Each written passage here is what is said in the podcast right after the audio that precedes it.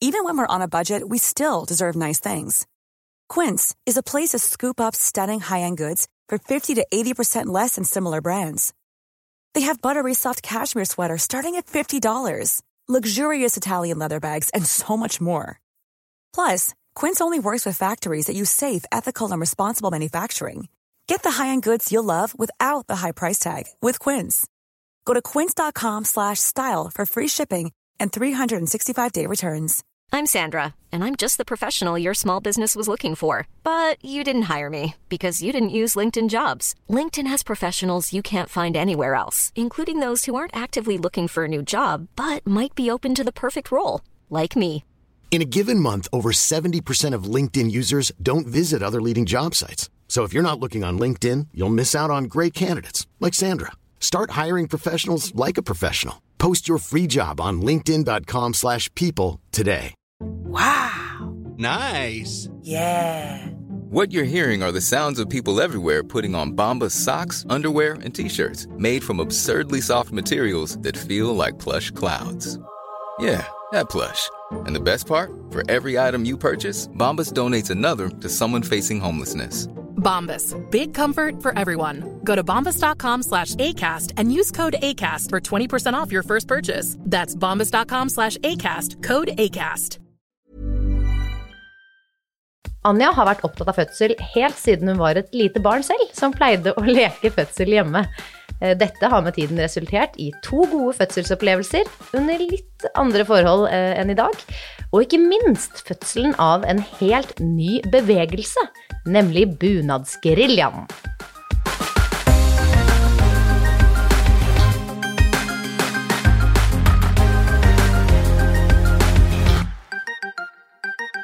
God torsdag, alle lyttere, og hjertelig velkommen til en ny episode av Fødepodden. Elise er her ved min side som vanlig, og i tillegg så har vi da med oss dagens gjest, Anja. Velkommen.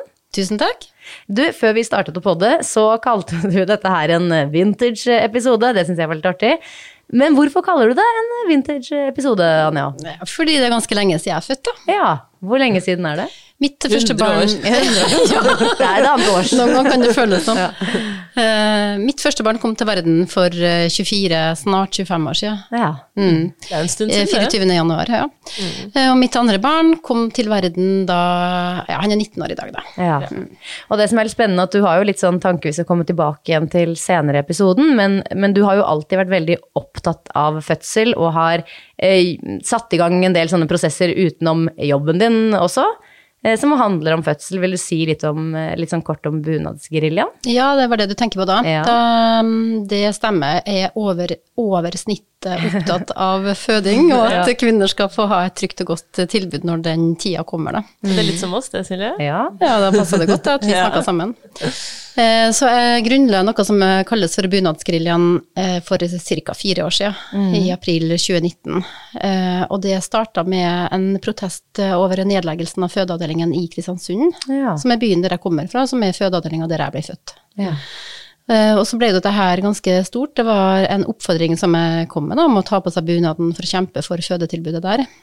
Og så spredde det seg til hele landet, mm. fordi det er truede fødeavdelinger og fødetilbud over det ganske kant. land. Ja. Mm. Det skal vi sikkert komme litt tilbake til også, Ja. tenker jeg. Ja. Men uh, du sa også at uh, du er, uh, ja, har vært veldig veldig opptatt av fødsel helt siden du var liten. Og det er litt sånn nusselig. Kan du ikke fortelle litt om hvor denne fascinasjonen for føding startet? Ja, det er vanskelig å si, altså. Jeg har jo, jeg er jo vokst opp med historiene om fødslene til både mor mi, bestemor mi og oldemor mi. Oldemor mi fikk jo tolv barn som hun fødte hjem oh. på Smøla i- utenfor Kristiansund. Altså, det er så spinnvilt. Folk holdt på. Ja, ja. Altså, jeg syns denne kroppen holdt på å gi opp etter to. Ja. Jeg skjønner liksom ikke De hvordan starta litt tidligere enn oss òg, det som regel. sant. Eh, Og når det gjelder meg sjøl òg, så vet jeg bare at jeg lekte veldig mye at jeg fødte barn. Jeg iscenesatte for meg sjøl, så jeg fortsatte å leke det også helt til jeg var ganske stor, husker jeg. Oi. Også Det syns jeg er så gøy. Ja, veldig. Herlig. Og jeg lengta og kjente, bare forberedte meg på den følelsen det er å skulle legge et nyfødt barn inntil, inntil meg. Å, Eh. Og fremdeles så drømmer jeg til amme, for eksempel. Ja. Jeg var heldig og fikk til amming, da.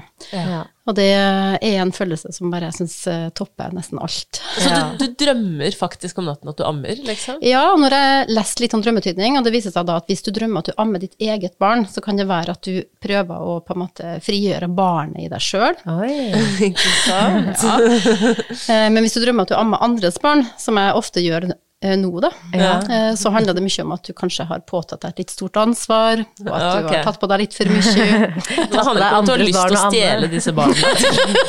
Eventuelt det. Jeg kan nesten være såpass gæren når jeg først treffer en baby. Jeg skal holde Sigrid langt unna det. Altså. Ja, det Lurt, der. lurt, lurt. Jeg har jo hørt på tidligere episoder da tok dere innimellom og spør eh, hvordan det gikk det, at man faktisk ble gravid. Ja. Ja, og vårt første barn, hun er unnfanga. Eh, På ho- Hotel Holiday Inn på rom 315 i latinerkvarteret i Paris. Det er romantisk. Og veldig spesifikt. Ja. Ja, da, da var vi så amorøse, for det var dagen etter at vi forlova oss. Åh. Så da glemte vi helt å praktisere 90-tallets eh, store prevensjonsmetode, nemlig å hoppe av i svingen. Ikke sant? Ja, det ble, ble med rundt svingen, med andre ord.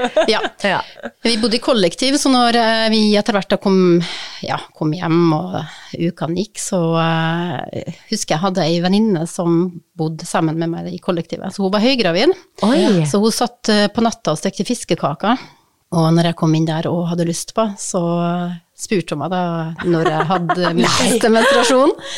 Herlighet. Mm, og hun, eh, hun heter Lisa, og hun er i dag eh, gynekolog ved fødeavdelingen i Kristiansund. Så hun skulle da også ha sitt første barn. Eh, som det her eh, resulterte i at vi dro eh, med bil da inn til Oslo på eh, apoteket på Oslo S. Hun inn høygravid og sa, spurte etter en, en, en Graviditetstest. Jeg har en venninne som har fått veldig lyst på fiskekaker. Det er noe på ferde her. Ja. Midt på natten. ja, ja. Ja, og så um, husker jeg vi dro tilbake, og jeg tissa på et ølglass, og hun var sammen med meg inn på toalettet. Ja, ekte kollektivstart. Ja. Det er herlig. Jeg prøver å se for meg hvor gamle dere er, for dere bor i kollektiv, men hun er høygravid. Det er, liksom, Ja, er dere 18, eller er dere 35? på en Vi måte? var 22, og det var iskaldt den vinteren. Jeg skjønner. ja. Men jeg husker bare veldig godt det blikket hun ga meg, som var så utrolig fylt av ømhet og godhet. da. Ja. Eh, Så gikk jeg inn til kjæresten min, så vekket jeg han, så sa jeg at du skal bli pappa. Ja, så da var det rett og slett en positiv graviditetstest som Mm. kom da Kom det litt før dere hadde tenkt? Var det positive eller var det- tanker ja, som sant? fulgte med denne positive Eller var det bare sjokk? Ja, jeg hadde jo forberedt meg i årevis, Ja. så jeg var jo klar. Ja, du var jo en, ja, halvveis inn i fødestua allerede. Ja, det var nok ikke helt kjæresten min, da. Nei. Nei. Eh, Men han ble veldig glad Ja. etter eh, et lite sjokk, da. Ja. Ja. Herlig. Men når man har brukt hele livet siden man var barn på å liksom mentalt forberede seg på fødsel, hvordan blir man da som gravid? Gikk du liksom bare enda mer inn i det, eller eh, ja, hvordan ble liksom den, den perioden som gravid? Jeg begynte å dekke på til tre før jeg, før jeg var ute, og begynte å dekke på til fire når jeg var gravid med nummer tre. Ah, det er gøy. Nei, jeg var, hadde ikke noen tendenser til fødselsangst og var ikke noe redd. Nei, så jeg, gleda meg faktisk. Jeg gleda meg til å bli mamma, først og fremst. Men jeg så også frem til selve fødselen, uten at jeg var sånn euforisk rundt det. Jeg var bare tenkt at det var veldig viktig å være godt forberedt. Og så var jeg på en måte innstilt på at kroppen min, den er eh, i stand til å klare det, da. Ja. Den er laga for å føde. Samtidig som jeg også var kanskje litt sånn alternativ, da. Ok. Det var veldig viktig for meg å føde naturlig. Ja. Ja. Eh, da tenker du fysiologisk, altså sånn uten uh, nei, ikke nedi fjæra med hauk og kau, Nei, ikke så naturlig, nei. men uten smertestillende, ja. Ja, liksom sånne Eh, ting. ja, og jeg var veldig opptatt av at jeg ikke skulle ha ep epidural. Ja. Eh, når det er sagt, så er jeg veldig for at kvinnen skal få velge sjøl hva som er best for henne. Og Ja. epidural tror jeg er kjempebra for veldig mange. Ja. Og så lytter jeg mye til en fødselsterapeut, eller en slags gu guru, som heter Sheila Kitzinger. Hun døde i 2015, 86 år gammel, hadde hun født fem barn. Ja.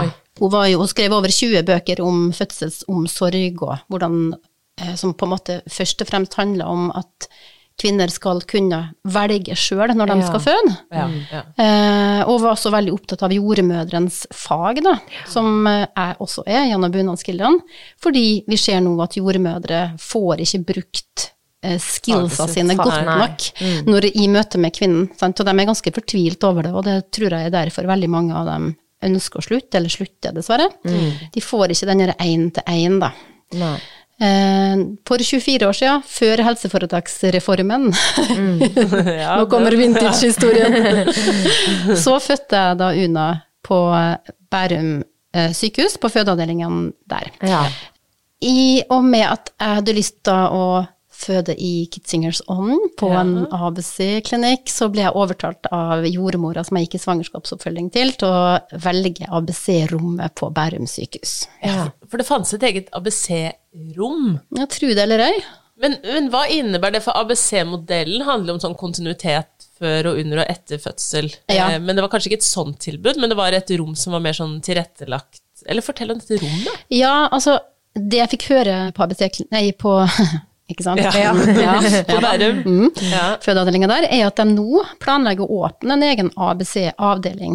ja, det er så fantastisk! Ja, det kuttes jo i fødselsomsorgen over hele landet, så vi går jo på en måte i eh, feil retning. Og det er jo ganske Men da er det ganske spesielt at vi har ei fødeavdeling i landet hvor, det faktisk, hvor tilbudet styrkes, og det er nå da i Bærum.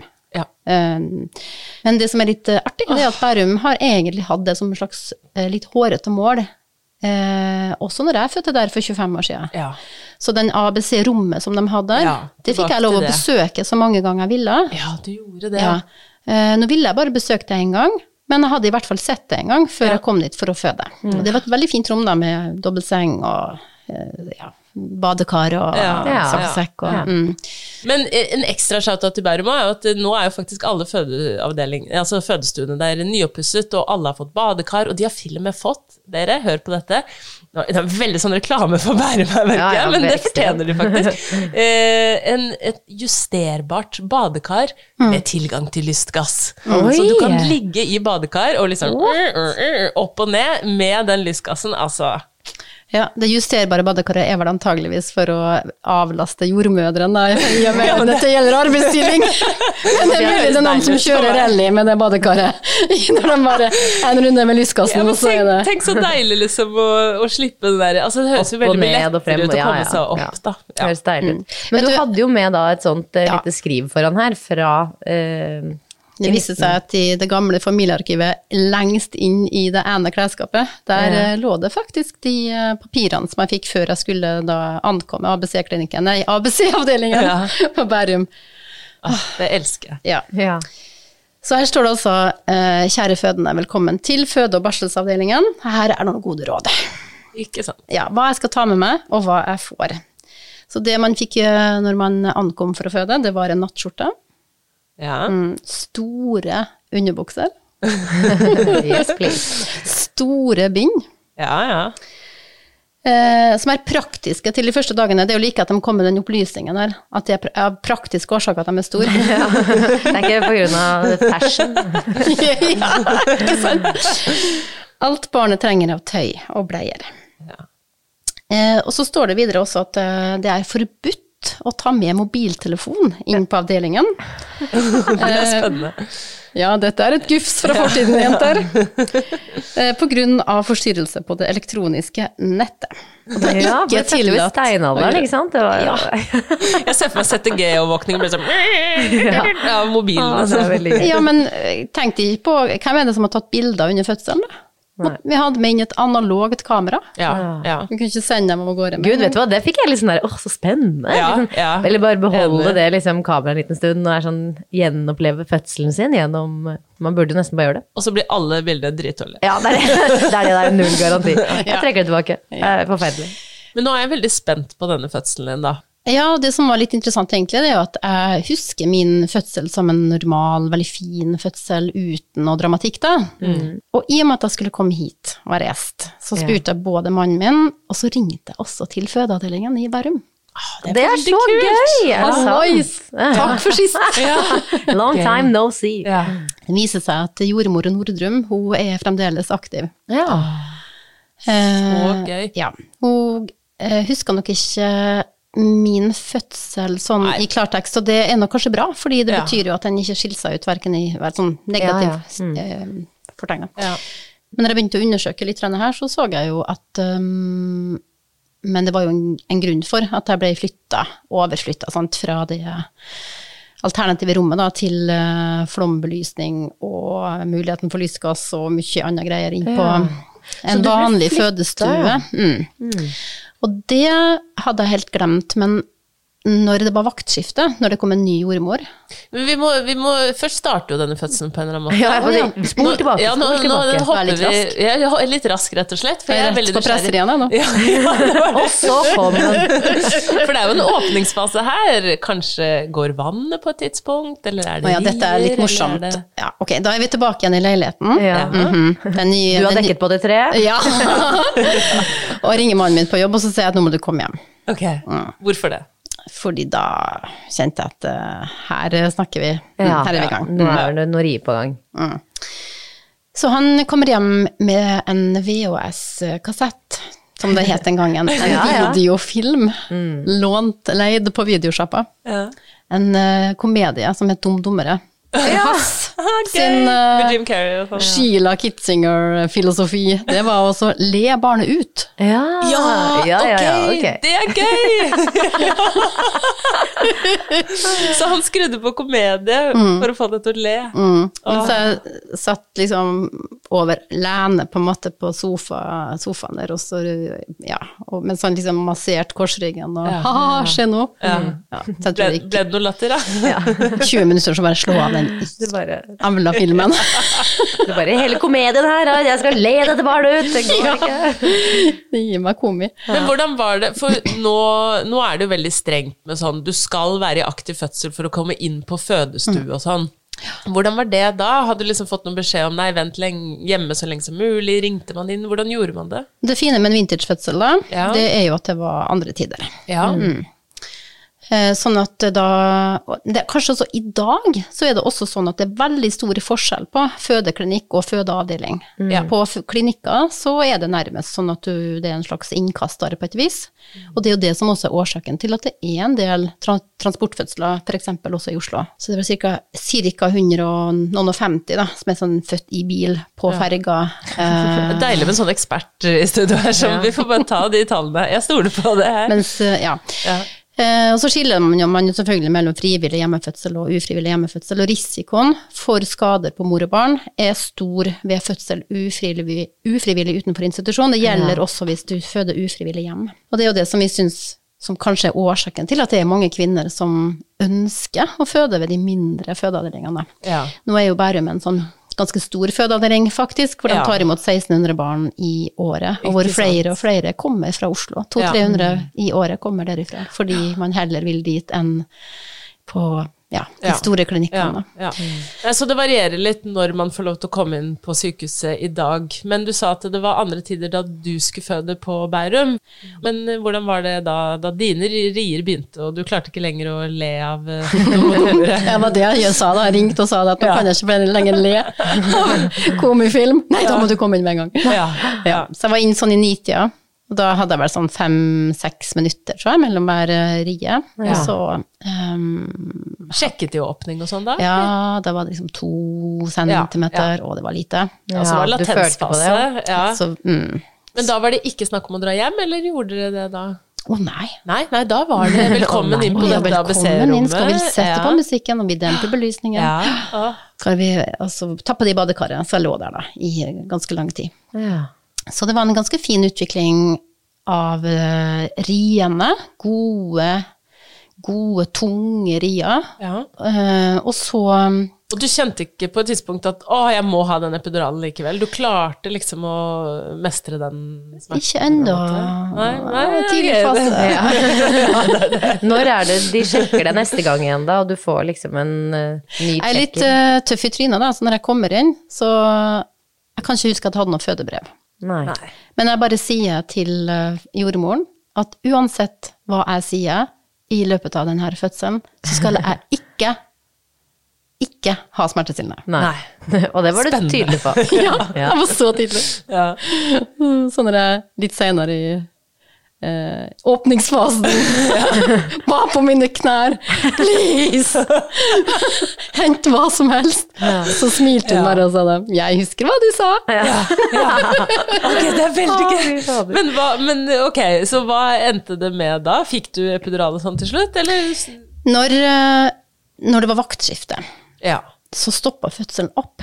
Selv om verdens fineste jordmor Nordrum kom, så, så bare Det bare skipla seg helt. Ja. Og det har jeg tenkt veldig mye på i forhold til de kvinnene som kommer inn i et stressa forløp nå. De ikke bare kommer inn når det er fire centimeter, når det er våkning, Aktiv, ja. aktiv fødsel. Hvor stressende det må være. For da er det så mange andre ting som kan og vil forstørre fødselen din. Da. Sånn at eh, det Nordrum da gjør, er at hun tar vannet. ja. Så sa hun at ja, det gjør vi, for å da eh, se om vi kan få i gang riene igjen. Ja. ja. Og det skjedde ikke.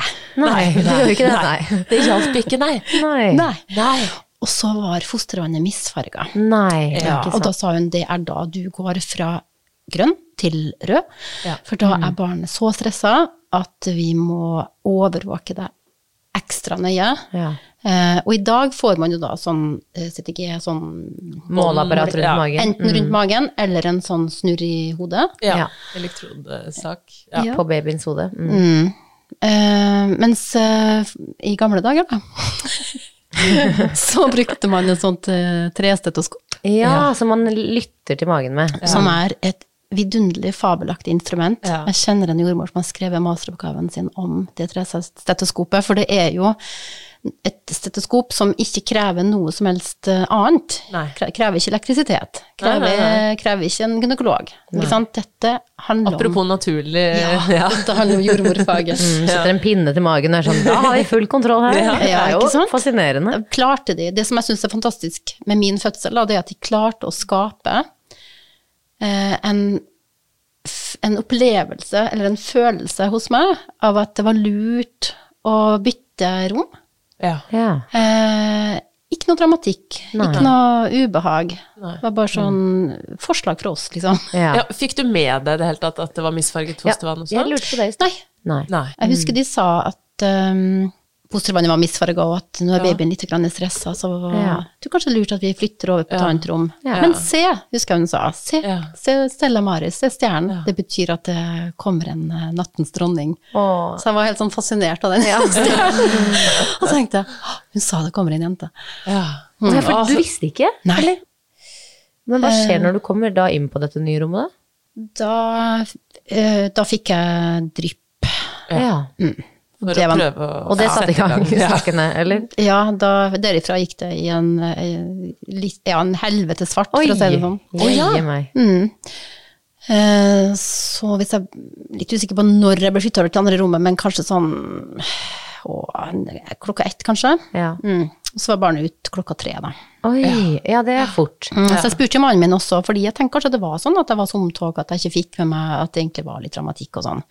Men han sa han merka heller ikke at det plutselig var mange inn, at det kom liksom mange i rommet, og, og på et Så tidspunkt her så kom gynekolog fru Kåss da, inn døra. Som for øvrig er mor til Johan Olav Kåss, og ganske sånn brykta oppe på fødeavdelingen. Og, tid, ja. Hun kom liksom inn der og Her skal jeg fikse sakene. Ja, så det var litt sånn, det var noen leger og sånn på rommet, men du, det ble ikke noe stressende stemning.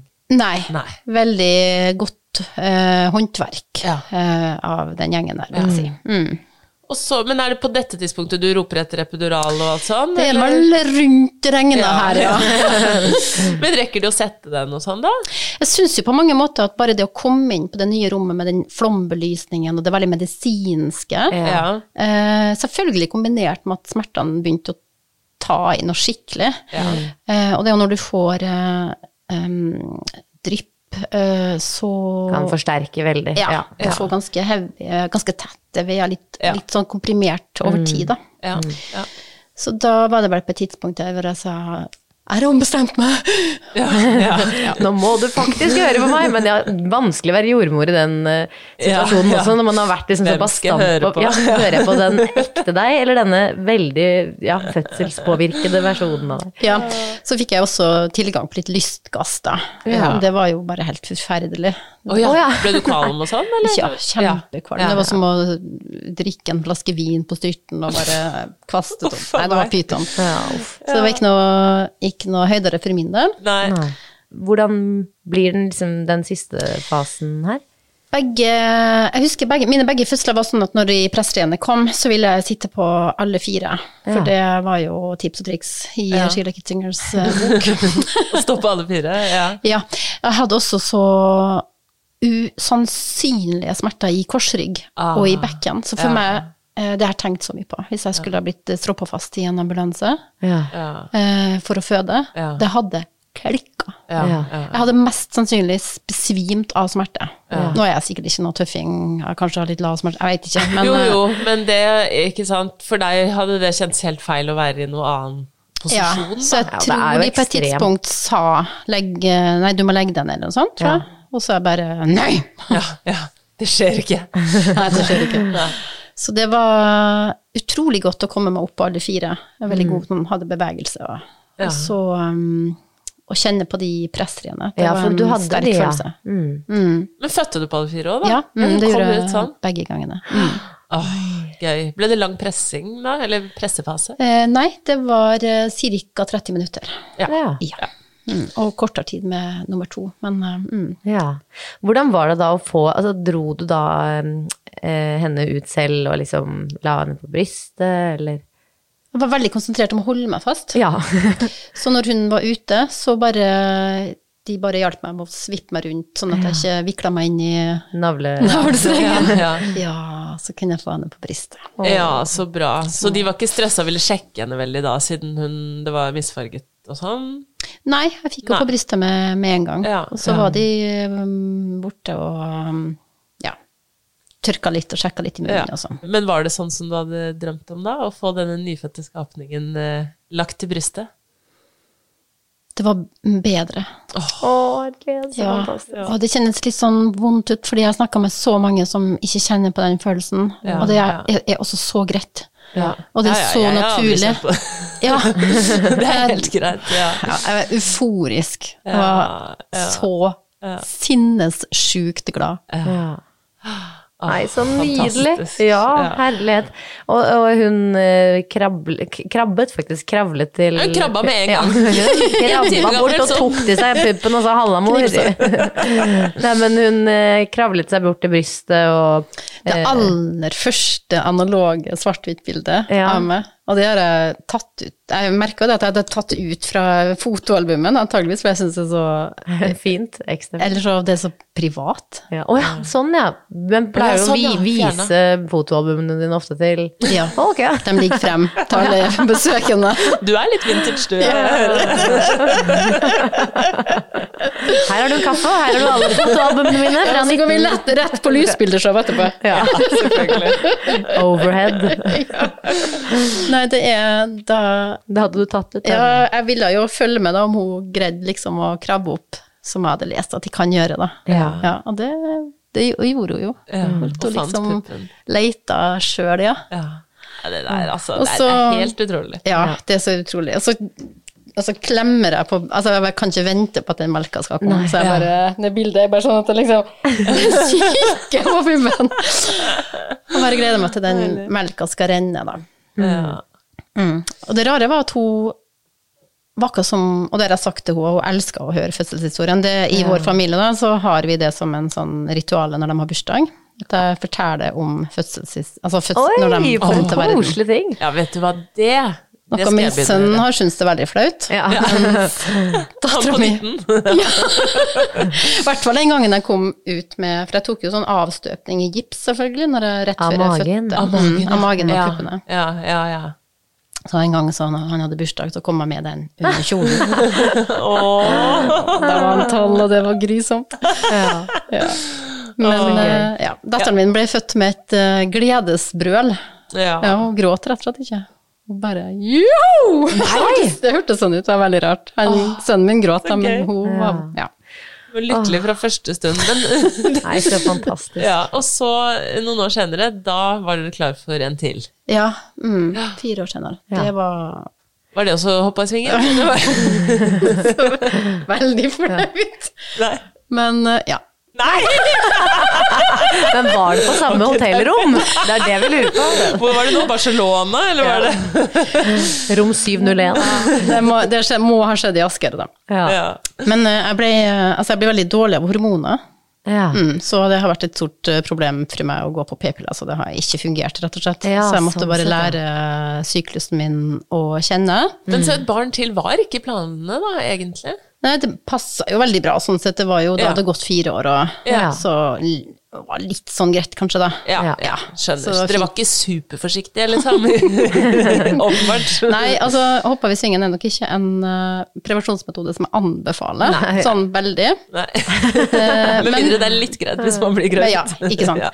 Men man ser jo nå at nå er, er det jo flere og flere som protesterer mot eh, det å så skulle proppe seg full da, med liksom, Ja. hormoner. Men det å ta hormoner er jo eh, smart. Det mm, beskytter mot graviditet, og det kan også i enkelte tilfeller beskytte livmoren mot kreft. Men hva slags tanker om fødsel da, da?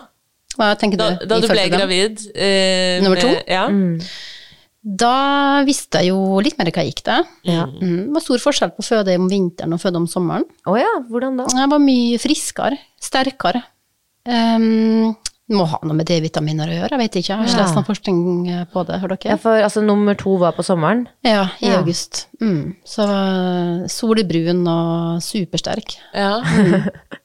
Jeg elsker at du trekker frem solbrun som en Det er nok der det ligger. Det kan være Ja, det. Jo, jo, men følelsen i litt sånn der 'jeg føler jeg- meg jeg bra', skjønner det. I'm on top of the world. Yeah. ja, ja. Ja jeg, Herregud, du gjorde, gjorde jo ikke annet enn å sole deg før Nei, du fødte, for du, jeg hadde veldig sånn opptak til fødselen. Jeg fødte i juni, da.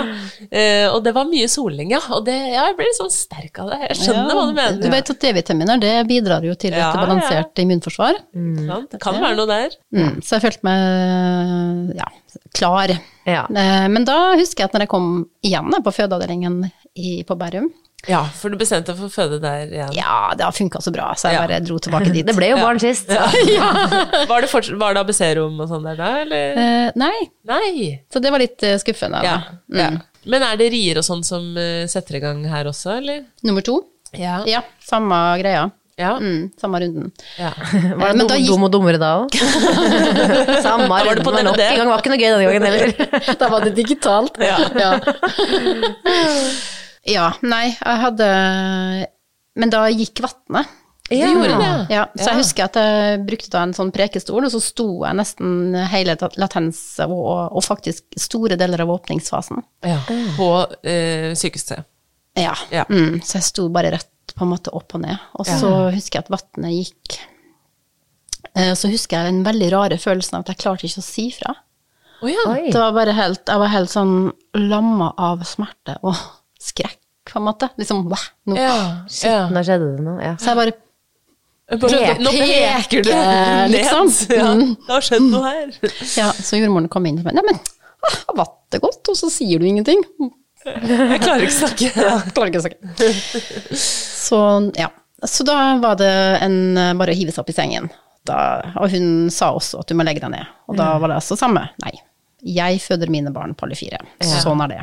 Ja, for da vannet gikk, da var det plutselig full åpning og nesten klart å presse, liksom? Det gikk det veldig fort sånn etter at vannet gikk, ja. Ja. Mm. Da var det nok uh, Hun undersøkte ikke etter at vannet gikk. Nei, Så og da var det bare- ikke misfarget Nei, fostervann? klart og fint. Åh, så deilig. ja. Da slapp du Da kom ikke moren til Johan Olav Koss inn døren. Kanskje du hadde gått av med pensjon i mellomtida, vet ikke. Ja, kanskje. Mm. Nei, da var det hun og meg og en barnepleier. Og så um, kom på en måte presseren ganske godt i gang, husker jeg. Og så uh, Men hvordan er du da på dette? For nå, da bare puster du deg gjennom og føler at nå ja, kan jeg dette her. Altså, hvordan er det til forskjell fra sist? ja, nå ble jeg så ivrig at jeg snakker i munnen på det.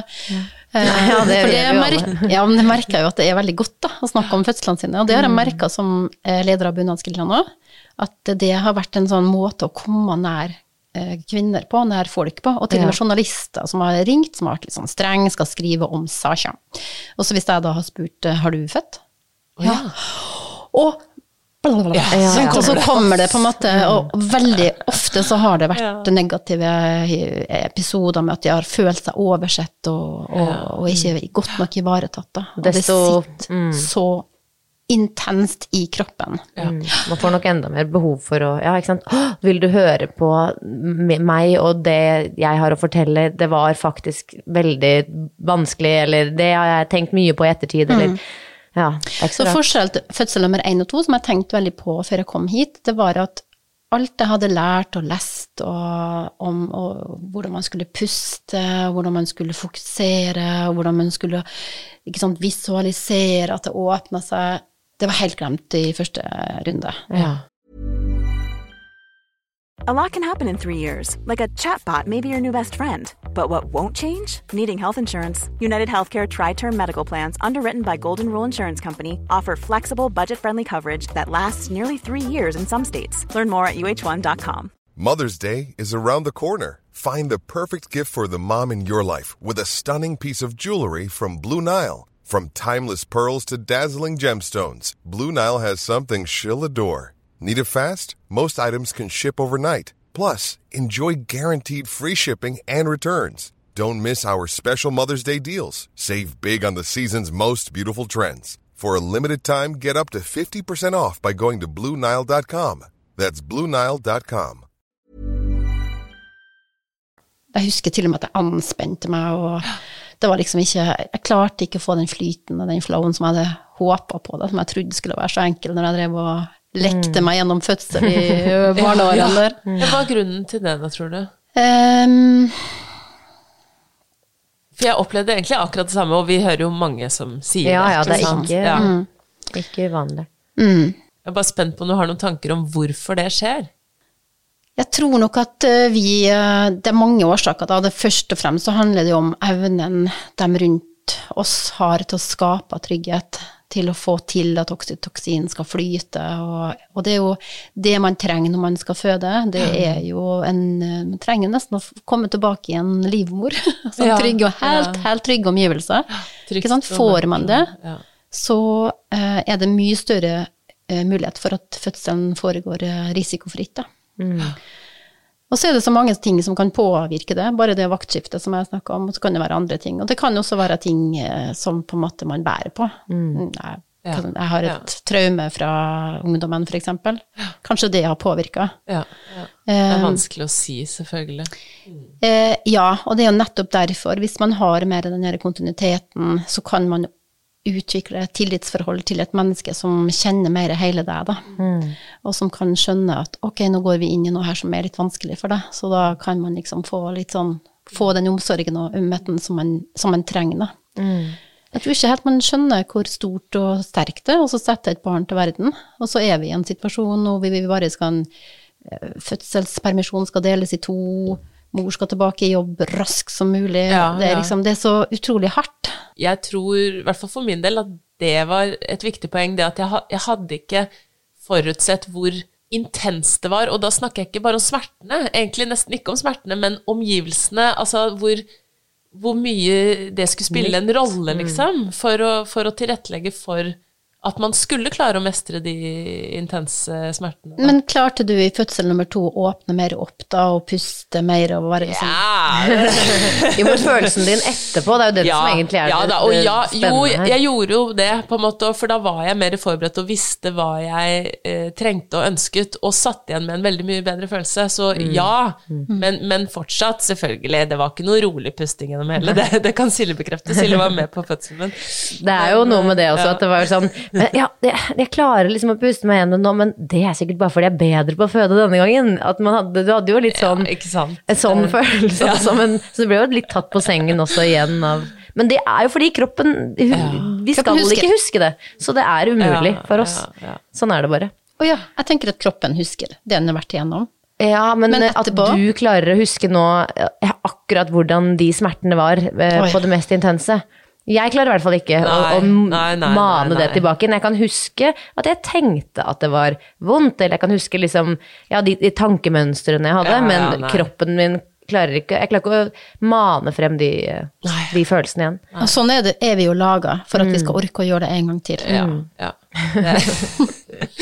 Sånn er Det det. går ganske fort over etterpå. Ja, Ja ja, det er jo det For sykeste. noen, i hvert fall. Men ja, absolutt. Jeg tenker det er viktig å huske på òg, da. Når, liksom, når, man, når man- man hører på poden, og det Mm. er første gangen man skal føde, at det, det går jo veldig fort eh, over. Og Ja. det er jo også sånn at man får en veldig fin gevinst, da. Og det er en grunn til at folk velger å føde flere ganger, og ikke minst at eh, Elise går inn og sier sånn, men denne gangen vil jeg ikke ha noe epidural, eller du som sier ja, men jeg vil prøve igjen, jeg. Uten. Ja, ja. Det er målet, på en måte. Vi, Jeg har blitt fødejunkie. Ja. Jeg vil gjerne føde mer enn antall unger jeg har lyst på. Så det er liksom, sånn, sånn er det blitt. ja, så skal ikke bli Da er vi i samme klubben. Ja. Jeg måtte gjennom en sorgprosess, rett og slett, når jeg skjønte at eh, det kommer ikke flere barn. Nei. Vi okay. Ble litt flinkere til å planlegge etter hvert, kanskje. Ja. Det var ikke så mange svinger på landeveien lenger.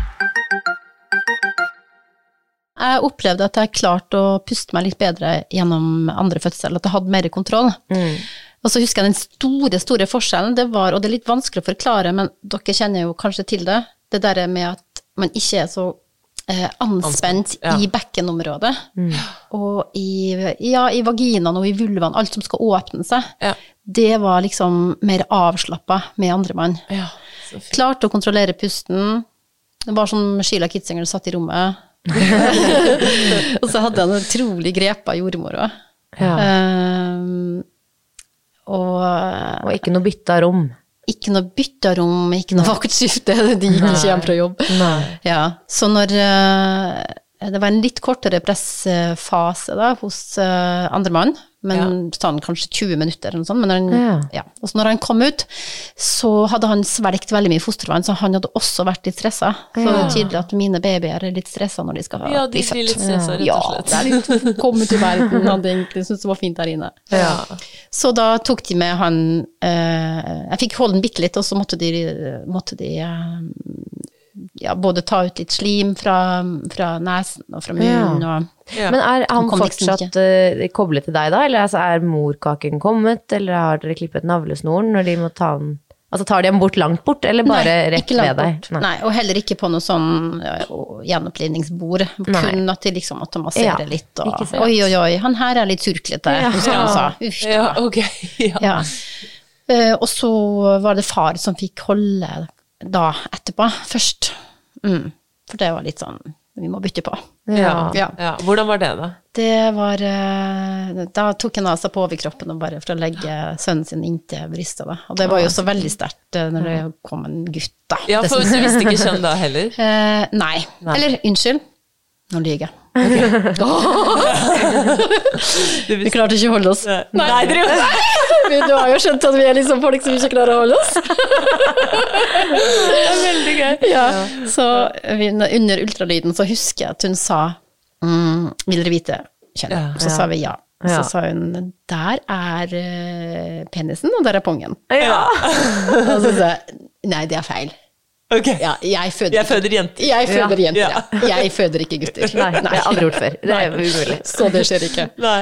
Ja ja, nå må du forberede på det. Det kommer en liten mann. Ja, morsomt. Men lata dere da som at dere ikke visste for alle andre, på en måte? Ja, og jeg eh, Til den dag i dag. var helt manisk på at dette ikke skulle være en gutt. Og det er så grusomt å kjenne på, men jeg må bare være helt ærlig på det. At jeg klarte ikke å se for meg at jeg skulle føde et eh, guttebarn. Nei, jeg blir guttemamma, liksom. Ja. Jeg skjønner det kjempegodt. Jeg hadde ikke trodd på det selv. Ja, men det var nesten helt, det var nesten sykt, altså. Ja. Det var ikke bra. Åh, men hvordan var det å få denne lille herremannen på Altså bli kjent med han, da? Det var helt vanvittig. Den euforiske kjærlighetsfølelsen kom ikke før dagen etterpå. Nei. Og det var ikke sånn at jeg, at jeg var så glad heller, det var bare mer jeg var så utrolig fascinert. Ja. Og dagen etterpå på barsel så husker jeg jo jordmora kommer ned, hun som forløste oss da når hun kommer på jobb igjen. Eh, jeg kommer bare inn for å spørre hvordan det går. Og da hadde jeg øyekontakt med han guttungen. Og så på de Han hadde kjempestore hender. Lille babyen. Han er, ganske, han er en kraftig gutt i dag. Den er litt høy, da. Ja. Så, så sa hun Så bare kikka på oss veldig lenge, og så knisa hun litt, og sa hun ja, her går det jo bra. Ja. Jeg bare har ikke tid til det. Nei. Jeg må bare Jeg blir kjent med ta sønnen og de enorme hendene hans. Ja, dette helt vanvittige nye mennesket i livet mitt. Åh, Herlig. Ja, og så kom jeg på en annen ting, da, som eh, et tilbud som de hadde på Bærum sykehus på barselavdelingen, Ja. som da var eh, knipekurs. Nei, er det sant? Knipekurs. Det er jo det burde ha. kjempegøy. Ja. Ja. Det er jo dødskjedelig å holde på med på egen gang. Ja. ja, ikke sant? Og vanskelig å finne ut av. Veldig mye artigere å holde på med det i første etasjen på Bærum sykehus med ti andre. Ja. Jo, jo, Hu hei, hu hei, nå skal heisen gå opp, nå går heisen ned. Men mens jeg lå der, så fikk jeg bare et sånt stykke av at jeg var så langt unna sønnen min. Ja, fordi han var ikke med der nede. Nei, Jeg lå jo oppe i tredje etasje på barselavdelingen. Ja. Inne på sånn felles stue i lag med alle andre Oi, det var sånn Ja, ja. Ja, ja, i sånn glass Uh, ja. ja. Glassmonter? Nei da. Nei, men de, ja. Ja. Mm. ja. Jeg lå bare og tenkte mens jeg kneip. Tenk om han gråter nå, Ja, og ingen ja. trøster han. Ja. Nei, dette går ikke, liksom. Så jeg bare kneip og Ja. kjørte heis vilt fort opp og ned. For dem som ikke vet det, så handler det om at man liksom ja. Kniper som en heis. Så jeg avlyste Eller bare, ja, jeg bare reiste meg opp og gikk, og tok heisen opp i tredje etasjen. Så hørte jeg en baby gråte inne på den stua, og jeg bare løp bort inn og grabba tak i den nydelige lille babyen, la den inntil meg og kjørte av gårde bort gjennom Mamma korridoren. er her. Mamma er her! ja. Og så lukta jeg på den, så kjente jeg det her er jo ikke min Nei! babylukt. Nei! Nei, nei, nei! Har du tatt en fremmed baby? Ja, men Kjente du også på lukten? Det Ja. er jo helt sykt. Herregud, naturen, dere. Biologien. Er det wow. sant? Kikka på dette barnet, Ja. så at det her er jo ikke min sønn. Nei. Jeg har rett og slett tatt feil baby. Fy fader, det er jo en film. Baby snitcher. Ja. Hva gjorde du da? Gikk pent og pyntet tilbake og la babyen tilbake igjen. Lata som ingenting, gikk ned, fortsatte å knippe. ja. ja.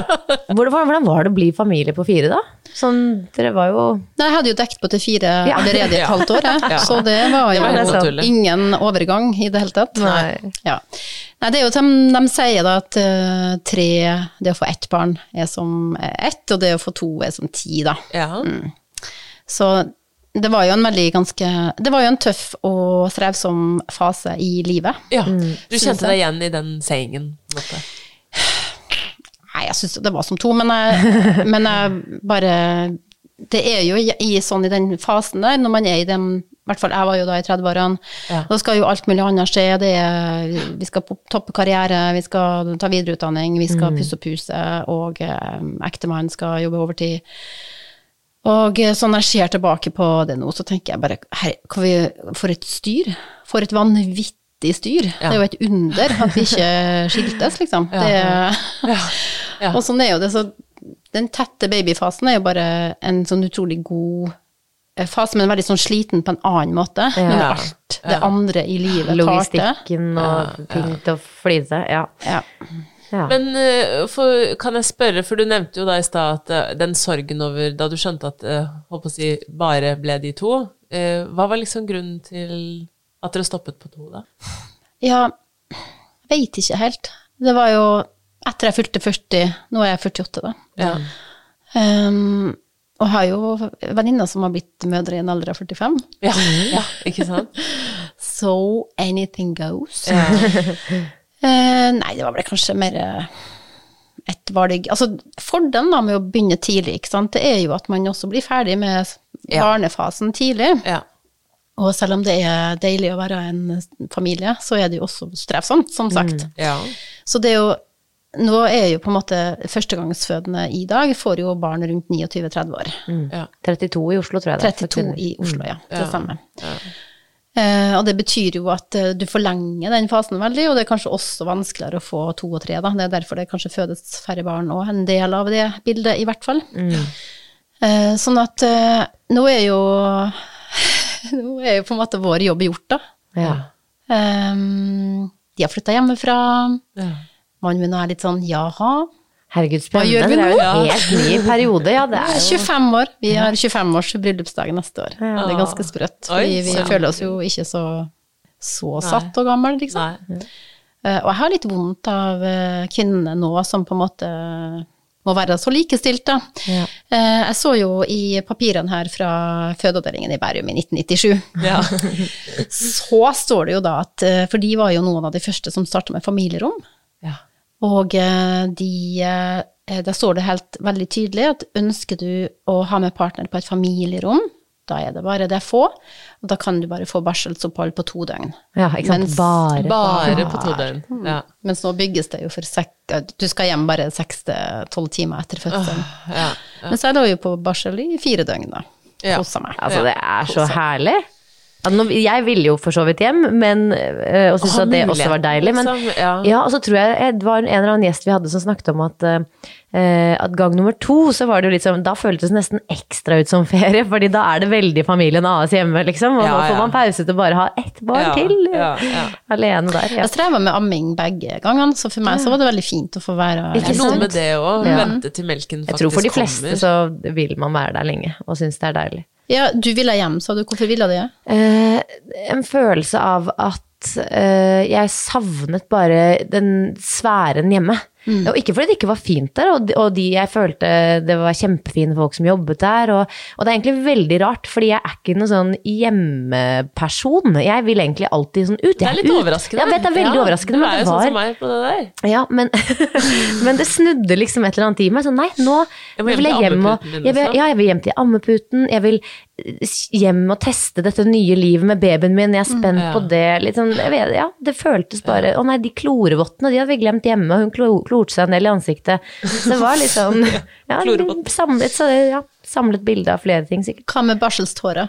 Når kom dem? Dag to, vel. Jeg vet ikke om jeg fikk barselsår. Jeg hadde jo et barn med kolikk, så jeg gjorde ikke annet enn å gråte. Gråteperioden. Ja, Ja, nei, det det er mange faktisk. grunner selvfølgelig til å være rundt kyndige og altså, ja, ammehjelp, barseltårer, de tingene. Ja. Altså, ikke minst hva slags fødselsopplevelse man har hatt, ikke sant. Jeg tenker på de med keisersnitt også, som eh, blir sendt hjem. Ja, så det er, Det er i hvert fall en større risiko for at man overser de som burde ha vært her litt lenger, da. Ja. Det at alle reiser hjem tidlig. Ja. Det er det jo.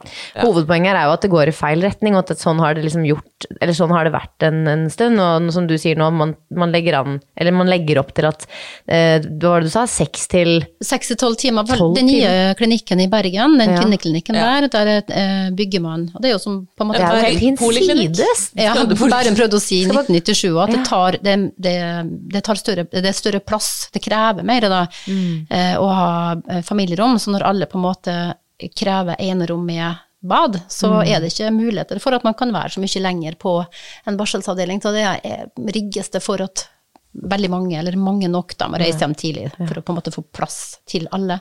Mens eh, jeg lå jo på fellesrom. Ja. Så min mann var jo ikke med på barsel. Det var jo ikke snakk om i 1997. nei, da var det annerledes. Og det er fordeler og ulemper med, med det òg, selvfølgelig. Jeg tror man får noe, og så mister man noe. Ja. Jeg tror kanskje Ja. man reiser hjem litt mer rusta som familie, Ja. men man går glipp av det kvinnefellesskapet. Ja. ja, for det har du sagt at du har vært liksom opptatt av eh, når vi har skrevet sammen. Ja, jeg syns det er fint å tenke på da, at når det gjelder eh, føding, da, så har på en måte kvinner alltid hjulpet kvinner, helt fra, fra begynnelsen av Mm. og frem til nå. Og jeg har opplevd i hvert fall en sånn trygghet i det å snakke med kvinner på barsel og bli godt kjent, og hun ene er jo eh, venn og bekjent av i dag. Nei, så fint. Ja, Jeg tok jo med tre gode venninner under fødselen min, jeg, som hadde født selv, så det var jo en grunn til det. holdt jeg på å si. Hadde du tre venninner inn på eh, fødestua når du fødte ditt barn? Ja. Nummer to. Nummer Ja. to. Ja. Ja, hvorfor valgte du det? Eh, det, var, det, det kjentes riktig for meg. Jeg ville, ha, jeg ville dele dette fantastiske med dem, jeg. Ja, Hvordan var det å være med, da? Nei, det var jo helt spinnvilt. Det er jo en, på en måte så er det nesten sånn man unner alle å, å være med på det. Og jeg Ja. trodde Altså, Elise uh, spurte jo om dette ganske mye Eller du, du luftet det Ja. ganske tidlig, egentlig Ja. før du i det hele tatt var gravid med nummer to. Ja. Og da var jeg egentlig litt eh, negativ til det. Jeg sa Ja. at det tror jeg ikke jeg vil være med på. Ja. Og det var fordi da var det ikke så lenge siden min egen fødsel, og den syns jeg var litt vanskelig. Um, så da tenkte jeg at uh, det, det tror jeg ikke er for meg, og, og kanskje det bare oppleves vondt og vanskelig, det òg. Men uh, snarere tvert imot. Det var kjempefint og veldig Ja, nei, nå ble jeg sånn alle som har hatt en følelse av at ja. noe har vært litt annerledes enn hva man skulle håpet på. Herregud, bli med på en ja, da får du liksom sett det fra et litt annet perspektiv òg. Uten å sette sånn Daola, da, så kan du være med. Ja, ja, Ja. jeg er på vei inn i Dolaverdenen, jeg nå, Ja. tror jeg. For jeg, jeg må være med. Hvis det er noen der ute som kunne tenke seg å ha med hun her på fødsel, vær så snill, da. Det er Å, det Det virker er fint, helt fantastisk. da. I, ja, I mange kulturer så er jo det helt vanlig. At det er mange Ja, kvinner er som er med. Å bare kunne være der og støtte og Åh, ja. Det skal faktisk sies at hvis jeg noen gang bestemmer meg for å eh, få et barn til, så er det, det er en, finnes en sannsynlighet for at Lise Solberg blir Silje, du kan ikke si det sånn til meg! Nei, Jo, men bare fordi jeg syns det Jeg, tenk, jeg, jeg følte at det var bra for den fødende. Marius, hvis du hører dette, du, du må gå på det. Men det er ikke noe løfte, dette her, og jeg, vet, skal jo ikke, det, er ikke noe, det ligger ikke noe bla, eh, barn i, i planene foreløpig, men, men eh, Nei, det var, jeg, jeg tror at det var en fin ting. Og, og at det et par ekstra hender og Ja, eh, støttende ord og det der tryggheten av noen du er glad i, eller jo flere eh, man er Og som har gått gjennom ja. det selv òg, som Ja, ja. vet hva det Ja. er du står i. Jeg tror det var en Hvordan fødte du, da? Eh, skulle føde på ABC. ABC stengte. Det er jo en egen episode, det her. Vi har jo tatt opp masse lydopptak òg, så man kan jo høre meg føde. Så langt tilbake i arkivet har ikke jeg gått. Da. Nei, Det kan jeg nei, gjøre ja, etterpå. gjøre. Men eh, endte med tangforløsning og presset i over to timer. Og og det- heiagjeng. Og heiagjeng. Så det ble jo ikke den enkle andregangsfødselen jeg drømte om, men det ble en fantastisk opplevelse likevel, da. Ja, det ble det. Ja. Jeg håper jeg legger inn noen aksjer her nå hvis jeg Ja. i fremtiden, f.eks. når fremtidige barnebarn eventuelt. Ja. Helt greit Ja, hvis eh, de tenker at det er greit at jeg er med. I hvert fall viktig at de som er med, at man føler seg trygg, da. Ja, ikke sant. Det, det viktigste av alt, egentlig. Ja.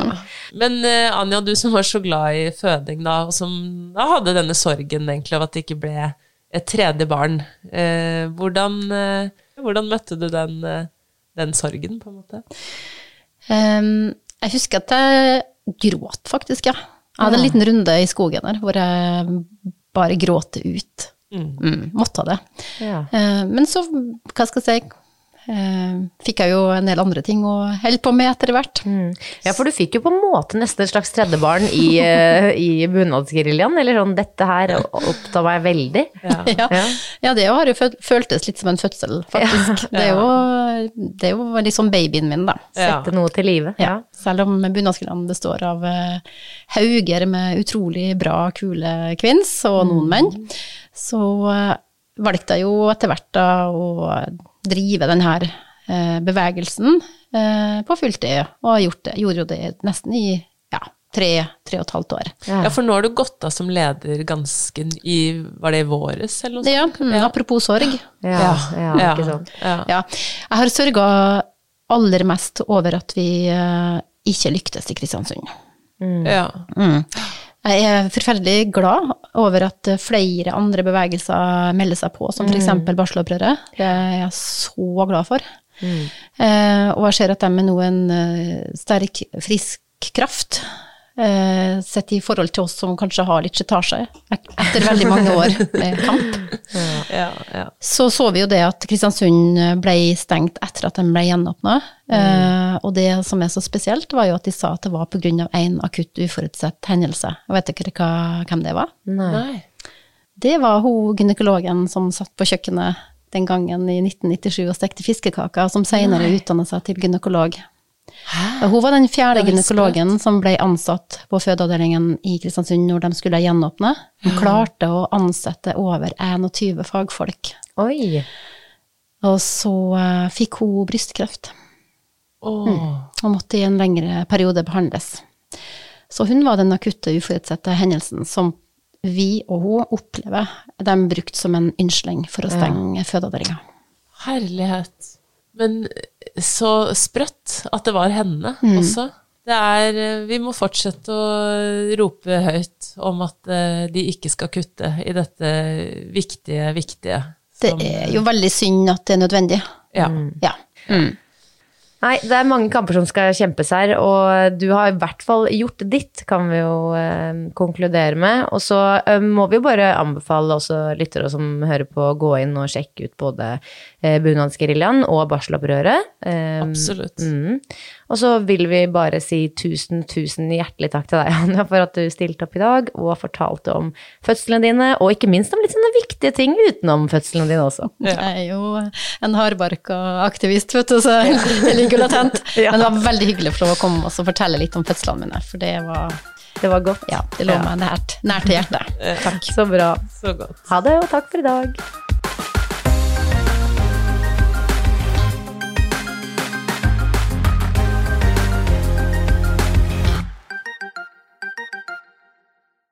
Hallo alle sammen! Jeg vil bare minne om at dere kan komme i kontakt med oss på Instagram, hvor vi heter at Fodepodden. Der legger vi ut så mange kule bilder og filmer av gjestene våre. Og i tillegg så kan dere nå komme i kontakt med meg på at kvinnehelse.psykolog, hvor kvinnehelse og psykologi møtes i en skjønn og evidensbasert forening. Stikk innom, da vel! Hi, I'm Daniel, founder of Pretty Litter. Did you know cats tend to hide symptoms of sickness and pain? I learned this the hard way after losing my cat, Gingy. So I created Pretty Litter, a health monitoring litter that helps detect early signs of illness by changing colors, saving you money and potentially your cat's life. Pretty Litter is veterinarian developed, and it's the easiest way to keep tabs on your fur baby's health right at home. Go to prettylitter.com and use code ACAST for 20% off your first order and a free cat toy. Terms and conditions apply. See site for details. Planning for your next trip?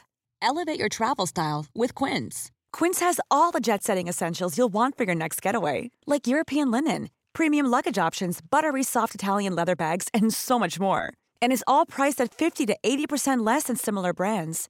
Plus, Quince only works with factories that use safe and ethical manufacturing practices.